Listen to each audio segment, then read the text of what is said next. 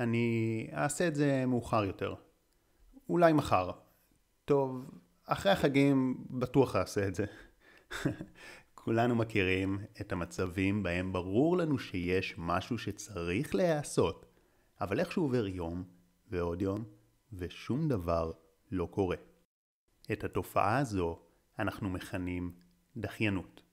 ובסרטון של היום נדבר על עשרה טריקים חזקים ומגוונים שיעזרו לנו להתגבר על דחיינות. טריק מספר אחד להתגבר על דחיינות, להבין את הפחד שעומד מאחוריה. דחיינות היא הרבה פעמים אסטרטגיה לא מודעת לברוח מהתמודדות עם משהו שמפחיד אותנו. לדוגמה, אנחנו דוחים כתיבה של מייל מסוים לא בגלל שהוא מסובך לכתיבה יותר מאחרים, אלא בגלל שהמייל הזה מיועד לבוס שלנו, ואנחנו חוששים קצת מהרגע שבו נצטרך לשלוח את המסר ליעדו. מה הוא יחשוב עלינו ואיך הוא יענה. או לדוגמה, אנחנו דוחים את העבודה שלנו על פרויקט מסוים, לא כי אנחנו לא יודעים מה לעשות, אלא כי אנחנו מפחדים שאם הוא יצא לדרך הוא עלול לא להצליח. עלולים לצוץ בעיות ואנחנו נרגיש כישלון. בשורה התחתונה, הדחיינות היא הרבה פעמים ביטוי של פחד שלא התגברנו עליו.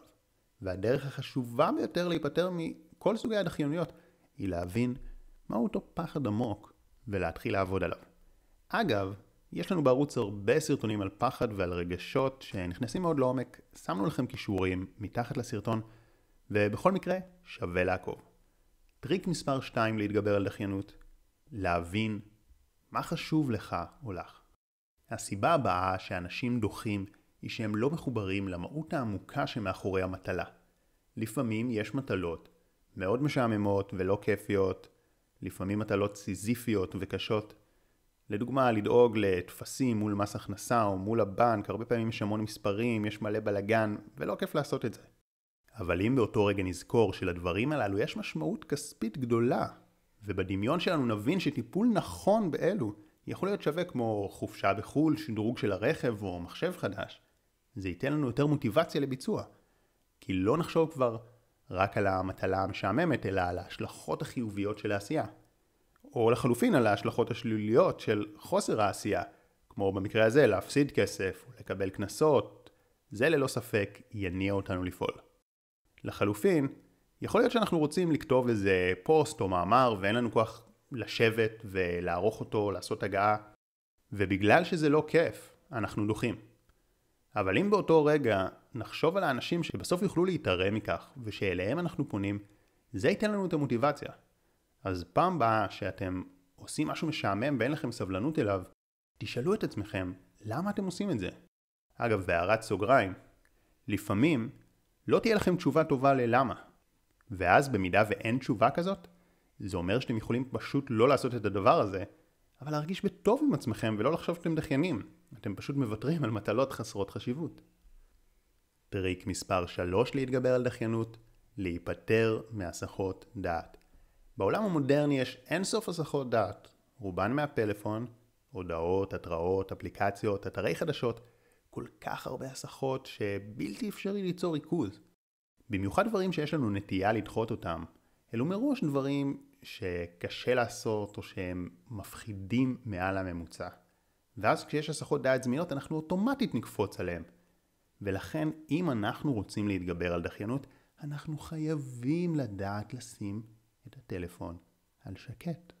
לכבות את כל ההתראות ולא לתת לזה לשלוט בנו. אחרת אנחנו נשאב להסחות דעת בקלות רבה.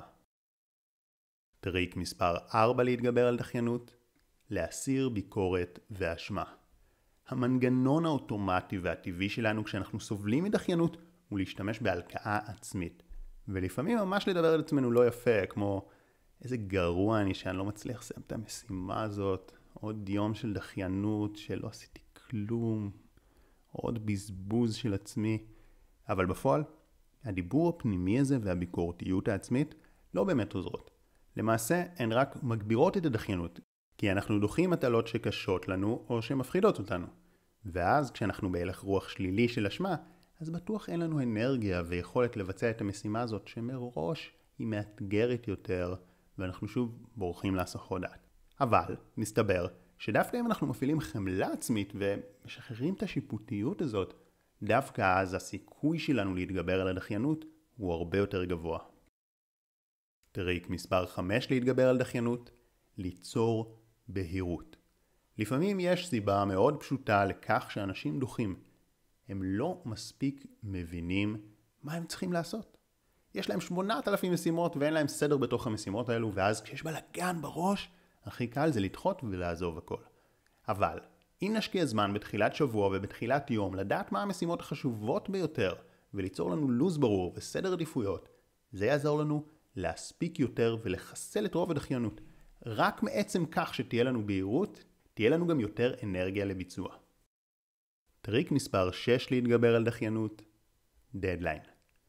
למה סטודנטים מגישים את העבודות שלהם תמיד ברגע האחרון? כי אפשר. לא כיף לעשות את העבודות. אז הם דוחים ודוחים, אבל בסוף יש תאריך הגשה. אז יושבים עד מאוחר בלילה, יושבים על חשבון זמן שתכננו לבלות, ועושים מה שצריך. וזה הכוח של דדליין, הוא גורם לנו לפעול.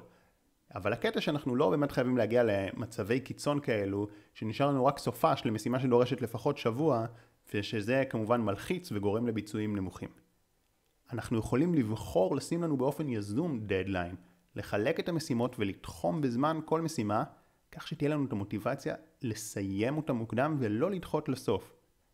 עכשיו, אם זה לא עובד לכם לשים לעצמכם את הדדליין, יכול להיות שכדאי לכם להתחייב מול אחרים לזמן מסוים, ואז הדדליין יהיה יותר ממשי ואמיתי. בכלל, שותפים לדרך ואנשים שאתם מתחייבים מולם על ביצוע, זה טריק בפני עצמו להתגבר על דחיינות.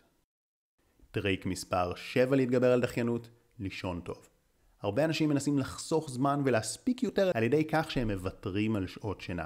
אבל כשאנחנו מוותרים על שינה אנחנו פחות חדים ומרוכזים, כוח הרצון שלנו נחלש, הגוף נחלש וכל הפעילות שלנו פחות אפקטיבית, וזה גורם למלא דחיינות. השליטה העצמית שלנו והעמידה בפיתויים פשוט נעלמת, ובהרבה יותר קלות אנחנו נסחפים לדברים לא רצויים. גם כשאנחנו על המשימה, זה לא ממש יעיל. אז חשוב מאוד לישון כמו שצריך, ולא לנסות לחסוך זמן על חשבון שעות שינה. בסופו של דבר, אנשים דוחים משימות שהן קשות ומשעממות. אם אנחנו עובדים רק על דברים שאנחנו שונאים ולא כיפים לנו, ברור שתהיה לנו מלא דחיינות, וברור שלא נהיה יעילים. אז האם אפשר ש-100% מהעבודה שלנו יהיה כיף? כנראה שלא. אבל בטוח אפשר להעלות את מינון הכיף בהרבה. ולזה אנחנו רוצים לשאוף כמה שיותר. וזאת הדרך הכי טובה ועמוקה להיפטר מדחיינות. עכשיו, אנחנו יודעים שזה לא תמיד אפשרי, אבל זה בהחלט אפשרי יותר ממה שאנחנו מאמינים. במיוחד בעולם המודרני ומלא השפע שאנחנו חיים בו, האפשרויות הן אדירות. אלה היו שמונת הטריקים שלנו להתגבר על דחיינות. מומלץ לחזור שוב על הסרטון, לראות למה אתם הכי מתחברים, ונשמח גם שתגיבו לנו כאן למטה בתגובות, מה אתם לוקחים לעצמכם. מה הכי אהבתם, למה אתם הכי מתחברים מתוך שמונת הטריקים האלה, ומה אתם מתחייבים בפני עצמכם ליישם. על ידי כך שאתם תעשו את התגובה הזאת, אתם תגבירו בעשרות מונים את הסיכוי שלכם ליישם, כי עשיתם איזושהי פעולה אקטיבית ועשיתם איזושהי התחייבות, גם אם זו התחייבות ביוטיוב מול אנשים שלא מכירים אתכם. וכמובן, אם אהבתם את הסרטון, תעשו לייק, תשתפו, עקבו אחרי הערוץ, כדי שהאלגוריתם של יוטיוב ידע להביא לכם עוד סרטונים כאלו. ואנחנו נתראה בסרטונים הבאים.